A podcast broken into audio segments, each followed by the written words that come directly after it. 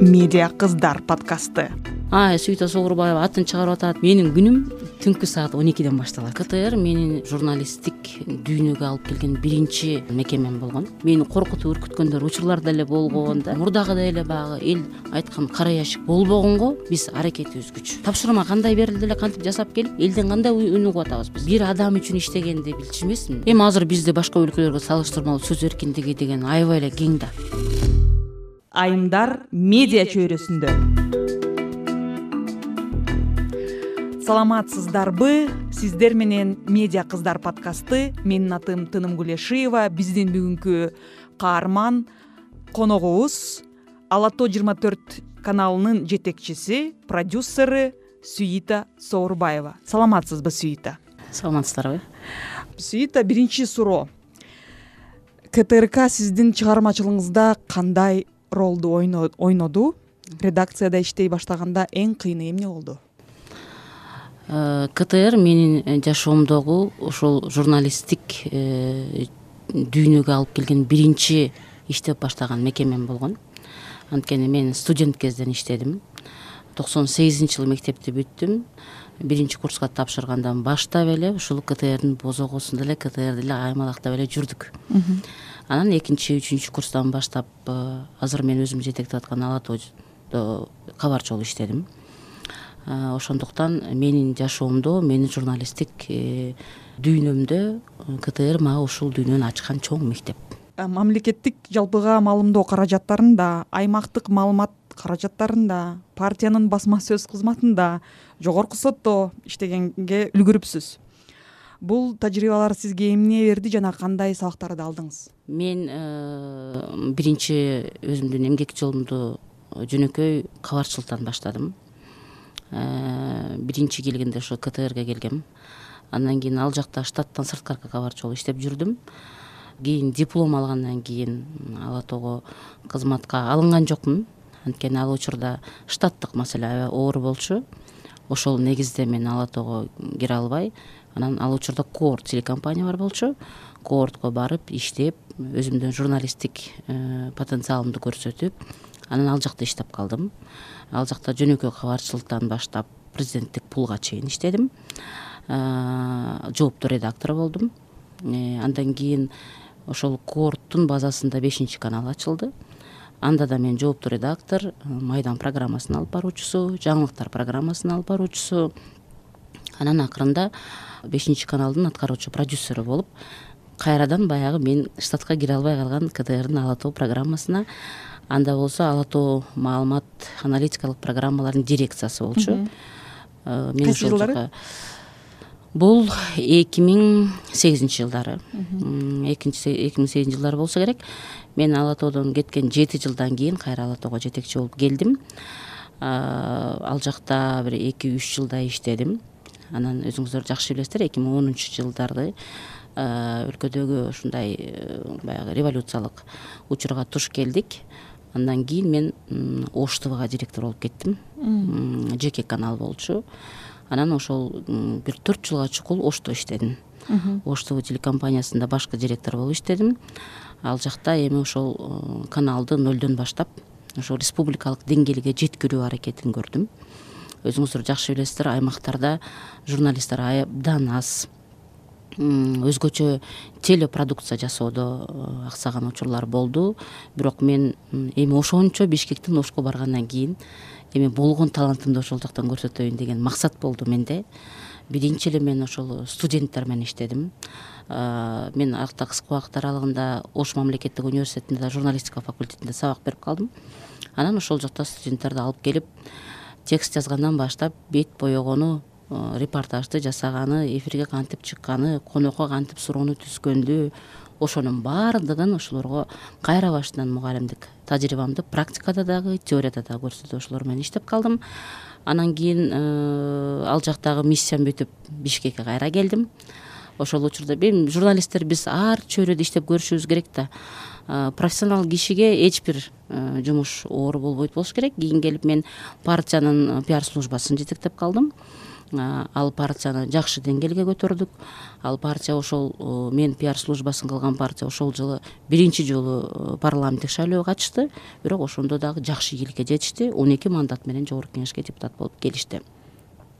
Анан ортодо мен жогорку кеңеште иштеп калдым бирок үй бүлөлүк шартка байланыштуу мен өргөгө чыкканга туура келип бала менен отуруп калган күндөр болду. Андан кийин анан жогорку сотто иштедим. Жогорку сотто биринчи мени жогору юридикалык билимим болгондуктан жогорку соттун төрайымынын кеңешчиси катары чакырды. Мен ал жакта медиация эл аралык бөлүм пресс служба жагын тейлеп жүрдүм. Андан кийин кайра пресс службага жетекчи болуп бер деди мен жетекчи болуп иштеп анан ал жактан баягы төрайымдын эмеси срогу бүткөнүнө байланыштуу сиздер жакшы билесиздер жогорку соттун төрайымдары жетекчилери үч жылга шайланат. Ошол бүткөндөн кийин менин да миссиям аягдады мен ал жактан кеттим. Журналист анан коммуникация э. жагында да иштеп айырмасы кандай экен? Оорчулук эмес мындай бир кандай десем өтө мындай аракеттенүүнү талап кылат экен. Мен ошол талаптарды аткарууга аракет кылдым. Анткени мен биринчи билимим журналист болгону менен экинчи билимим юристмин. Бирок юридикалык билимди көп практикалаган эмес элем. Мына ошол жагынан кичине кыйналдым. Анткени көп адабияттар окуганга туура келди бүт мыйзамдарды окуп чыкканга туура келди. Мына ошол жагына мен өзүмдү өөрчүттүм дагы мына ошол жагы мага көбүрөөк жардам берди деп айта алам. Ал эми пиар пиарда атпайбызбы партияда иштегенде ал дагы чоң мектеп болду чынын айтканда. Мен бирөө үчүн иштеп же бир адам үчүн аралашып да калдыңыз? э, бир адам үчүн иштегенди билчү эмесмин. Мен дагы деле айтам да мен бир адам үчүн эч качан иштебейм деп. Анткени биз профессионалдар өзүбүздүн профессионалдык э, жагыбызды көрсөтүшүбүз керек экен да. Ал жакта мен болгону ошол пиар кандай болуш керек? Кимди кантип ошол элге таанытыш керек? Кантип иштеш керек? Мына ошол механизмдерин ишке ашырып өзүмгө ошол жактан дагы тажрыйба алдым азыркы күндө мен өзүм да депутаттыкка бардым да. Анан бирок мен эми баягы э, элге окшоп потенциалдуу кандидат деле э, эме кылган жокмун көздөгөн жокмун. Анткени ал үчүн сиздер жакшы билесиздер. Көп көптөгөн суммалар керек. А биз жөнөкөй журналисттерде андай э, каражат жок да. Ошондуктан мен баягы болушунча пиар жагын көбүрөөк колдоп бердим. Медиа кыздар подкасты ошол шайлоо убагында иштеп калыпсыз ошо убакытты кандай баалайт элесиз мындай? Таң калычутуу нерселер болду беле эми албетте саясатчылар менен иштешкен бул өзүнчө эле бир чоң нерсе да. Ар бир саясатчынын өзүнүн кыял жоругу бар манерасы бар дегендей бирөөсүнө айтсаң тиги жакпайт мунусуна айтсаң мунусу жакпайт. Анан ошол учурда ошолордун баардыгына өздөрүнүн табиятына жараша пиар жасоону үйрөндүм да. Анан албетте кыйынчылыктар болду саясатчылар менен пикиргелишпестиктер болду. Э, мен бир жолу бир эсимде ушул пиар эме болгон учурда шайлоо болгондо анан агитация учуру жүрүп аткан учурда кээ бирки учурда кандидаттарды э, бул смиге бүгүн сен чыгасың тиги смиге тиги чыгат дегенде эмне үчүн мен бул смиге чыкпай бул смиге чыгып калдым деп мени коркутуп үркүткөндөр учурлар деле болгон да бирок мен баягы көп эл менен иштешкен үчүн көп нерсеге дипломатиялык мамиле кылам. Саясатты айтып калдык. Бүгүнкү күндө сиз мамлекеттик массалык маалымат каражаттарында иштейсиз. Мамлекеттин маалыматтык саясатын кандай баалайт элеңиз азыр? Азыркы күндө мурдагыларга салыштырмалуу бир топ өзгөрүүлөр бар десек болот да. Анткени элдин баардыгынын э, мындай көз алдында мээде ушул ктр ушул мактап эле берет деген түшүнүк пайда болуп калган болчу да. Азыр андай талап эмес. Азыр талап ошол э, бийликке ушул үн жетиш керек. Ар бир жарандын үнү жетиш керек.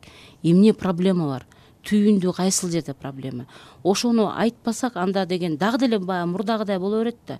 Бул социалдык жашоону оңдобосок элдин үнү жогору жака жетпесе аны ким жеткирет биз журналисттер жеткиришибиз керек. Азыркы күндө биздин маалымат берүү саясатыбыз өзгөрдү да. Мен дайыма баягы кабарчыларга тапшырма берип атканда айтам. Ай тигини макташтын кереги жок. Мына проблема барбы? Ал проблема кандай чечилип атат? Ал чечилеби жокпу. Мына ушул багытты гана бергиле дейм. Анан мурдагыдай эле баягы эл айткан кара ящик болбогонго биз аракетибиз күч. Мына менин келгениме үч жыл болду. Үч жылдан бери мына ошондой аракет мындай бизге койгон талаптар да ошолор болду. Азыркы акыркы эки жылдан бери толук эркиндик болду десек болот. Анткени журналисттердин деле талабы бар да. Азыр мурдагыдай сен айтпасаң башка жак айта турган заман да илгеркидей бир эле ктр эмес. Азыр кандай сми бар соц сеттер бар ошону айтканда азыр мурун телевидение бул мындай чоң нерсе болчу да. Азыр интернет ээлеп калды. Ооба чындыгында интернет ээлеп калды. Биз деле баягы замандын агымына жараша телепродукцияларды ошол интернетке багыттап баягы социалдык түйүндөр менен иштеп ошолор менен материалдарды бөлүшүп элдин пикирин ошол жактан аракет кылабыз. Кээде мисалы үчүн бир материал болуп калганда мен карайм да айтам да ай мына сен ушул материалды жасадың. Астында комментарийлер карачы. Сен ошодон уялып атасыңбы уялбай атасыңбы тапшырма кандай берилди эле кантип жасап келип элден кандай үн угуп атабыз биз? Кайрадан жасагыла. Мисалы үчүн мусор жайнап турса эмнеге мусор жок деп айтышыбыз керек? Бирөө ыйлап атса эмнеге күлүп атат деп айтышыбыз керек? Мына ошону берели бергиле. Баардык жана мурдагыдай мактоо жактоодон качкыла деп канча ошол менен күрөшүп атабыз да. Анан баягы көнгөн адат кээдеге түшүп кеткен болот бирок аларды бурганга аракет жасайбыз да ктркнын башкы директорлугуна арыз бердиңиз беле. Кыргызстанда коомдук телеканал эмне үчүн иштебей калды? Мен э, ушул азыр улуттук э, канал болуп калды. Коомдук канал болгон учурда эки жолу арыз бергем. Биринчи жолу арыз бергенде биз э, ошол учурда илим карипбеков экөөбүз экинчи турга өтүп мен ал киши озуп кетип ал киши директор болгон. Бирок мен көп жакшы сунуштарды бергем. Азыркы эле мен иштеп аткан ала тоо жыйырма төрттү өзүнчө ала тоо жыйырма төрт канал кылуу долбоорун сунуштагам ошондо бир топ жакшы сунуштар болгон. Эми ал анча мынча ишке ашкан учурлар болду. Экинчисинде деле мен катыштым. Мен жөн эле эптеп эле катышып коеюн деген максат болгон эмес чын чынына келгендечи. Мен да мындай журналист менеджер катары ушундай кризистик учурдан чыгарууга аракет кылган адам катары катыштым. Эгерде менин максатым жөн эле а свита согурбаева атын чыгарып атат жөн эле качып атат деген болсо мен андай ойдо катышкан жокмун. Мен чынында чынында күйдүм. Анткени ктр менин эң биринчи э, ушул дүйнөгө э, журналисттик дүйнөгө кадам таштаган жайым болгондуктан мен ал каналды ушундай бир өнүккөн канал көргүм келет. Ал эми коомдук деп атпайсызбы? Коомдук деген бул эми мындай аталыш эле болбосо каржылоонун баары өкмөттөн болду да. Ошондуктан коомдук болуп деле бир э, кандай максатка жеткенди деле мен көргөн жокмун. Ушул он тогузунчу жылы келдим мен ага чейинки жашоосуна көп кызыккан жокмун. Мен он жыл аралыгында кээде ктрди көрбөгөн күндөрүм да болду ала тоо жыйырма төрт каналынын продюсерунун э, күнү кандай? Менин күнүм түнкү саат он экиден башталат. Дайыма онлайнмын дайыма маалымат издөөнүн артындамын. Мен он экиден эрте жаткан күнүм болбойт. Алдында да бүт маалыматтарды карап эртең менен туруп көзүм алтыда ачылганда дагы маалыматты карап анан эми үйдө баланы садикке алып барып тиги бугу кылгандан кийин жумушка келем дагы бүгүнкү күндүн жаңылыгы кайсыл? Бизде жана дүйнөдө эмне болуп атат ошол маалыматтарга сары эсеп салуу менен башталат десем болот. Сиз э, баштаган кезде телевидение дүңгүрөп турчу.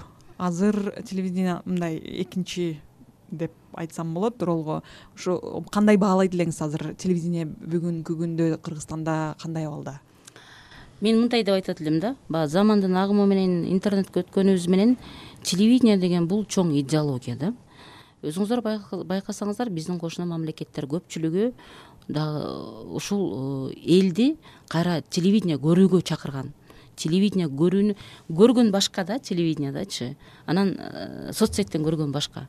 Мен баягы телевизионщик киши катары көп нерсени телевизордон көрөм мен көрүп атам көрбөй атам бирок ошол программаны телевизордон көрсөм мага эффект берет да эмнегедирчи эми моюнга алыш керек. Телевидение экинчи планга түштү бирок телевидение эч качан экинчи планга түшпөй мен кыялымда э, эл э, көгүлтүр экрандан алыстабаса деп тилейм да ошол нерсени күтөм аймакта да төрт жылдай иштеп калдыңыз ош мезгилин кандай сүрөттөйт элеңиз? Азыркы абалда аймактык журналистика жок эле деп айтсак болот э, кыргызстанда. Кантип ушу аймактагы журналисттерди биз колдой алабыз?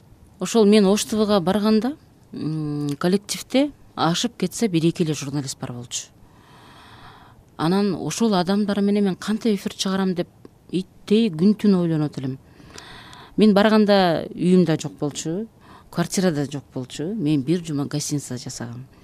Анан кийин балконго балконго чыгып алып эле эй ушул телевидениени кантип мен бутуна тургузам деген эле ой менде жаралды. Биринчи кезекте. Экинчиден ар бир жетекчи болом деген киши ошондой аймактарга барып иштеп көнүш керек. Борбордо шарт абдан жакшы. Колуң бүт жака жетет. Ал жакта жетпейт да. Кадр жок техника жок мүмкүнчүлүк жок ошонун баардыгын түзүп мага ошол нерсе көп жардам берди да. Анан сиз айтып атпайсызбы аймактык журналистика депчи. Эми чын чынына келгенде биз ушул багытты өнүктүрүшүбүз керек болчу да. Бул боштук болуп калды да. Баардык борборго келет дагы борбордо калып калат. Эмне үчүн барбайт? Анткени ал жакта иштеш кыйын. Ал жактын өзүнүн менталитетине көнүш да кыйын да. Менин өзүмдүн окуучуларым бар да ошолор мен оштон кеткенде ошол менин окуучуларыма аябай суроо талап күч болду. Ошол окуучуларыма көп мааяна сунуштап ошолор жумушка алган адамдар көп болду. Бир он чакты болсо дагы бир э, тарбия берип ошолорду журналистикага бир баш бактырып үйрөтүп э, ошолорго бир келечек түзүп бере алдым деп. Бир жолу бир кызым базарда отурат. Мен ошол кызды көзүн боеп оозун боеп текстин жазып үйрөткөн балам бир күнү базарда отурат. Анан айттым а эмне сен биякта отурасың? десем турмуш дейт мен ошондо мага аябай мындай бир обидно болду да. Мен ошого канча энергия жумшап ушуну ушундай бир профессионал болушун кааладым эле бирок турмуш деген турмуш экен өзүнүн жолуна салып коет экен деп ойлоп калдым. Окуучуларыңыз жөнүндө айтып калыңыз медиага аттанган кишилерге кандай кеңеш берет элеңиз бул жака чечкиндүү келиш керек. Чынында эле сен ушул жолду тандадым ушул жол менен аягына чейин барамбы деген өзүңдө ишеним болуш керек. Анан менимче ар тараптуу билимдүү болуп изденүү гана керек бул жерде изденүү болбосо адам окубаса адам адам менен сүйлөшпөсө бул кесипти аркалап кетиш кыйын болуп калат да. Бешинчи каналда иштеп калдыңыз убагында бул мындай белгилүү каналдардын бири болчу. Ошол мезгилиңизди кандай сүрөттөйт элеңиз мен ойлойм бешинчи канал бул менин өзүмдүн ушул журналист катары гүлдөп өстүргөн заман болду. Анткени ал жактагы түзүлгөн шарт бизге койгон талаптар бизди аргасыздан ошол талаптарды аткаруунун арты менен профессионалдык жактан такшалууга жардам берди. Мен биринчи жолу бешинчи каналда эфирге чыккам. Мен өзүмдүн кыялымдагы эфирлерди жасадым. Анткени мен дайыма мындай жасалмалуулук эмес мындай бир э, реалдуу нерсени жасаганды жакшы көрчүмүн эфирде дайыма э, бирөө менен маек курганды жакшы көрчүмүн эл менен дайыма түз эфирде мындай байланышта болуп турганды жакшы көрчүмүн ошондуктан мен бешинчи каналда өткөргөн күндөрүмдү азыр күнгө чейин сыймыктануу менен аябай сонун эскерем. Кыйын болгон беле? Кыйын абдан кыйын болгон. Биз түз эфирге чыкчыңыз түз эфирге чыкчубуз мен бир жума курьездүү кандайдыр бир окуялар болду беле? Андайлар көп болот. Телевиденияда мындай стресс го абдан көп болот. Жаңылыктар бөлүмүндө жооптуу редактор болуп туруп анан алып баруучу келбей калды да анан мен ал жаңылыктарды алып барып көргөн эмесмин. Анан директор чакырды дагы өзүң чык деди. Анан мен жаңылык алып барып көргөн эмесмин алып бара албайм го десем эч нерсе болбойт деди. Костюм жок эч нерсем жок. Бир э, коллегабыздын чоң костюмун кийип ар жак бери жагын тиге калып анан чыкканда мен суфлердон окуй албайт экенмин да көрсөчү анан кийин мен анан кагаздан окуп ошол жаттаганга туура келген мен канча канча бокстарды э, окуп мынтип кагаздан карап окуп атат деген сөздү калбайын деп ошол эфирге бир саат калганда ар бир текстти жаттап чыккам. Көзүмдүн учу менен эле карап коюп калган текстти ушул. Сүйлөй берчүмүн сүйлөй берчүмүн жаңылыктар да ошондой болгон. Ал эми майдан программасын алып барып жүргөндө конок келбей калат да кээдечи конок деген кечигип калат же келбей калат. Отурам отурам коногум жок чалсам мен келатам дейт. а эфирди башташ керек. Эмне кылып баштайм деп отуруп алып теманы сүйлөп атам сүйлөп атам цитатаны берип атам элди кабыл алып атам суроосун угуп атам. Коногум жок. Кырк мүнөт өттү коногум келбей койду. Кырк мүнөттүн ичинде мен ошол теманы ар жагынан сүйлөп бери жагынан сүйлөп элге телефон чалыңыздар биз ушул теманы талкуулап атабыз сиздин үнүңүз кандай деп аны менен сүйлөшүп ошентип атып кырк мүнөттүк элүү мүнөттүк эфирлерди жалгыз алып барган учурлар көп эле болду медиа кыздар подкасты. Жаш кезиңиз э, бала кезиңиз кайсы жерде өткөн? Мен жалал абад областынын аксы районунан болом. Уч коргон деген э, совет учурунда чоң ушул пахта талаалары чоң айыл болгон. Э, балалыгым ошол жакта өттү. Мен өзү атам ушул соода тармагында иштеген бирок чыгармачылыкка абдан жакын киши болчу. Ал киши дагы бир топ китептерди чыгарды. Атамдын көзү өткөн китептерин чыгардык. Он эки бир тууганмын. Ошолордун ичинин онунчусумун. Атамдын эң эрке кызы болчумун.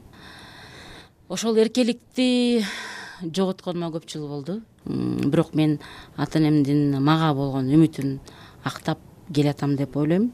Анткени атам мени ушундай эл алдында иштеген элге чыккан эфирден көргөн адам болсом деп тилек кылчу. Бирок мен эфирге атамдын көзү өткөндөн кийин чыга баштадым. Мен ошол ошол нерсе гана өкүндүрөт.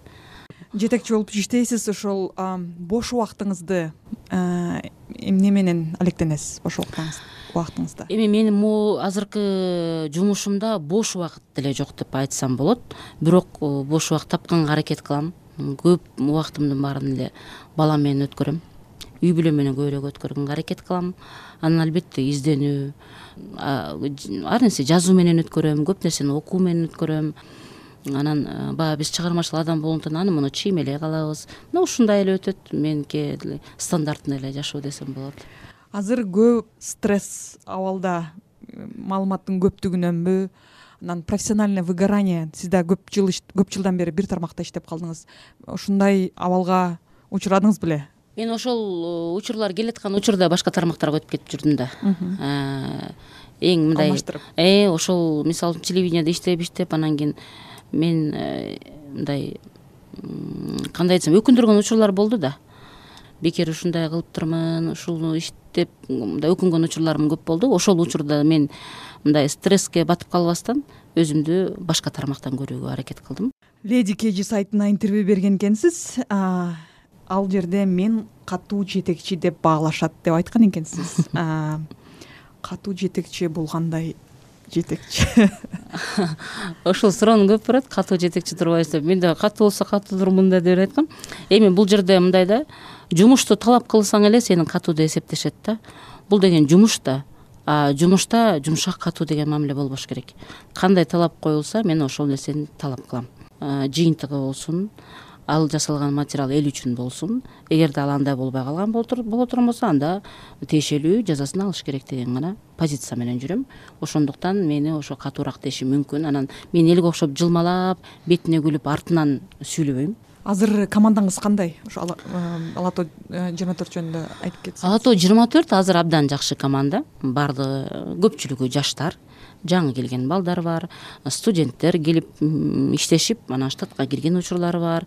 Азыр абдан э, көпчүлүгү айта берет го мынтип телевидениянан өзгөчө ктр интрига дешет го бизде андай нерсе жок. Же болбосо биздин ала тоо дайыма динамичный болгон үчүн биз бири бирибиз менен сүйлөшкөнгө да убакыт болбой калат да. Чарчаганда үйгө барып баламды кучактаганда баарын унутуп калам. Ошентип жашоо.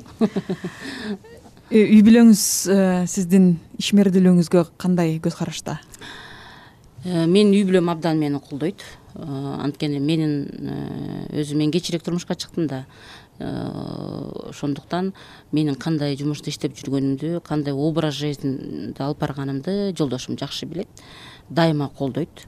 Ал мени дайыма айтат сен ушул тарыхта эске алып турчу аялдарга аялдардансың. Мен ошон үчүн колдоп көрсөтөм дейт. Жумушума мындай тоскоолдук болгон жок тескерисинче мага дем күч бере турган үй бүлө кура алдым деп айта алам карьераңызга ким көбүрөөк таасир этти жана кантип? Менин э, турмуштук э, ушул карьералык жолумда мага устат болгон киши болгон жок. Мен э, баягы шартка байланыштуу ар кандай жетекчилер менен иштешкен күндөрүм болду. Бирок мен азыр эстеп отурам да көбүнчөчү мен баардыгы менен тегиз сүйлөшүп багыт берип сүйлөшүп эжелик дагы кеңештеримди берем. Бирок ошондой кеңеш берген киши менин жашоомдо болгон жок. Болгону баягы мен жумушка келдим мени жумушка алды мен өзүмдү көрсөттүм иштеп ушинтип ушинтип иштешип кетип аттык бирок могул мага устат болду эле деп айта албайм. Но бирок иштешип жүргөн агалар эжелер көп болду. Ала тоо жыйырма төрткө мындай конкурент болгон каналдар барбы? Эми балким бардыр но мен ойлойм ала тоо жыйырма төрт э, кыргызстандагы э, мындай бир э, көрүнүктүү жакшы маалымат аянтчасы болуп жатат деп ойлойм. Биз ошого аракет кылып атабыз. Эмне үчүн журналистика тармагын тандап алдыңыз? Мен өзү баштапкы кесибим врач болом дечүмүн кийин юрист болом дедим. Бирок менин жан дүйнөм чыгармачылыкка жакын болду. Мен кичинекейимден ыр жазып ырдап алып баруучу болуп кыялым ошол болчу. Мектепте окуп жүргөндө ала тоону дайыма көрөт болчумун анан кызыгып эле ии мен ушундай кабарчы болот болдум бекен ушундай алып барат болдум бекен деп. Бирок эмнегедир ушул ала тоо программасын алып баруу кыялыма келген эмес. Мен ошон үчүн ала тоо программасын алып барган жокмун. Мен тескерисинче аналитикалык программаны алып барсам дечүмүн да. Анан биз жаңы практикага келгенде бөлөкбай шеримбеков деген агайыбыз эмени жума жыйынтыгын алып барчу. Анан агай аябай жазып атса мага ушундай бир гений адам көрүнчү да. Кандай ушундай акылдуу киши ушундай нерсени жазат деп. Анан көп убакыт өтпөй эле ушул мен кайра келип ошол программаны алып бара баштадым. Э, анткени баягы жаңылыктар менен аналитика мага көбүрөөк жакын болгон үчүн ошол программаларды көбүрөөк алып бардым да качан чоң тобокелге бардыңыз эле? Эми биздин басып турганыбыз эле бар эле тобокелчилик да. Чынын айткандачы көп болду андай учурлар көп болду. Ал үчүн мен жабыркаган учурларым болду. Ал үчүн ар кандай мындай э, туура эмес ойлорду укканга туура келди. Бирок мен анын баарына э, мындай кайгырбайм. Бирок болгон андай учурлар көп эле болду. Президенттик пулда иштеп калдым деп айттыңыз. Э, көп сырт жакка чыккан болуш керексиз биз учурда мындай болчу. Азыр мен президентский пулда иштегенде чет өлкөлөргө чыкканда азыр кабарчыларды жөнөтөбүз да. Биз учурда болсо жетекчилер өзү кетчү. Кабарчыларды жөнөтчү эмес. Дайыма президенттин коштоосунда же башкы редактор же болбосо директор же продюсер өзү кетет болчу. Биз болсо эми баягы шаардын ичинде эле жүрө берчүбүз да. Ушундай бир президентский пул деген бар болчу да сиз эми салттуу журналистиканын өкүлүсүз. Бул азыр жарандык журналистика деген пайда болуп калды. Блогерлик ушуга көз карашыңыз кандай? Башында мен жакчу эмес да. Анткени журналист деген бул профессионалдуулук менен заниматься эткен адам деп билчүмүн да мен анан кийин блогер десем ар бир аракетти көрсөтүп эле тигинтип минтип эле жүрө бергенде мен блогерствону бул эмне деген деп эле ачуум келе берчү да. Бирок азыр блогерлердин э, мындай сабаттуулары өсүп чыкты. Алар э, бүгүнкү күндө ушул медиа тармактагы аба ырайын түзүп койгон учурлар болуп атат да. Ошондуктан мен ошол тармакта иштеген коллегаларым жакшы ушул тармакты өздөштүрүп кетти деп айта алам. Жөнөкөй адам кантип аларды эми айырмалаш керек? Жазганынан берген материалынан айырмаласак болот. Анткени э, жазганын баары эле сүйлөгөнүн баары эле журналист эмес баары эле блогер эмес да. Аны ажырата биле турган айырмалай биле турган деңгээлге уже жетип калдык деп ойлойм бүгүнкү күндө буга байланыштуу сөз эркиндигин бүгүнкү күндө деңгээлин кандай баалайт деңиз эми азыр бизде башка өлкөлөргө салыштырмалуу сөз эркиндиги деген аябай эле кең да эмнени кааласа жазылып атат эмнени кааласак берип атат элдин баардыгы. Ар бир редакциянын өзүнүн ички редакциялык саясаты бар ошонун негизинде берилип атат. Менимче сөз эркиндигинде бир бууган учурларды мен байкаган жокмун. Анткени биз материалдарды бергенде биз деле беребиз башка редакциялар деле берип атат. Анан баягы аша чаап кетпеш керек деп ойлойм. Баардык бизде эми э, массалык маалыматтар каражат жөнүндө этикалык кодекстер бар мыйзамдар бар. Ошонун тегерегинен чыкпасак эле эч ким бизди жоопко тарта албайт. Өзүңүздү же сиздин курбуларыңыз э, сизди сүрөттөгөндө үч сөзү менен кандай мүнөздөйт элеңиз? Кээде аябай эле аша чаап катуу болосуң деп айтышат. Айрымдары адилеттүүсүң деп айтышат. Үйдөгүлөр мээримдүүсүң дейт. Анан мен ойлойм ушундай эле болуп атат го деп. Дагы бир суроону бере калайын анда. Бул сиз акыркы менин э, подкасттын бул сезонунда коногу болосуз. Медиа чөйрөсүндө айымдардын кыргызстанда айымдардын ролу кандай? Айымдардын ролу мырзалар менен бирдей эле. Көп учурда айымдар абдан эрктүү нерселерди жазабыз. Эрктүү нерселерди берет. Акыркы учурларда мына иликтөөчү журналистикада дагы кыздар абдан жакшы иштешип атат. Мен ошолордун эрктүүлүгүнө аябай баа берем. Өздөрүнө мынтип жолугуп айтпасам дагы материалдарын окуйм. Кээде ушунчалык корч беришет коркпой беришет анан мен көпчүлүктү айтам мырзаларга караганда салыштырмалуу да айымдар күчтүүрөөк болот. Ушул нотада биз подкастыбызды аяктайбыз. Бүгүнкү биздин каарман ала тоо жыйырма төрт каналынын продюсеру сюита соорбаева болду. Менин атым тынымгүл шиева кийинки сезондо угушканча айымдар медиа чөйрөсүндө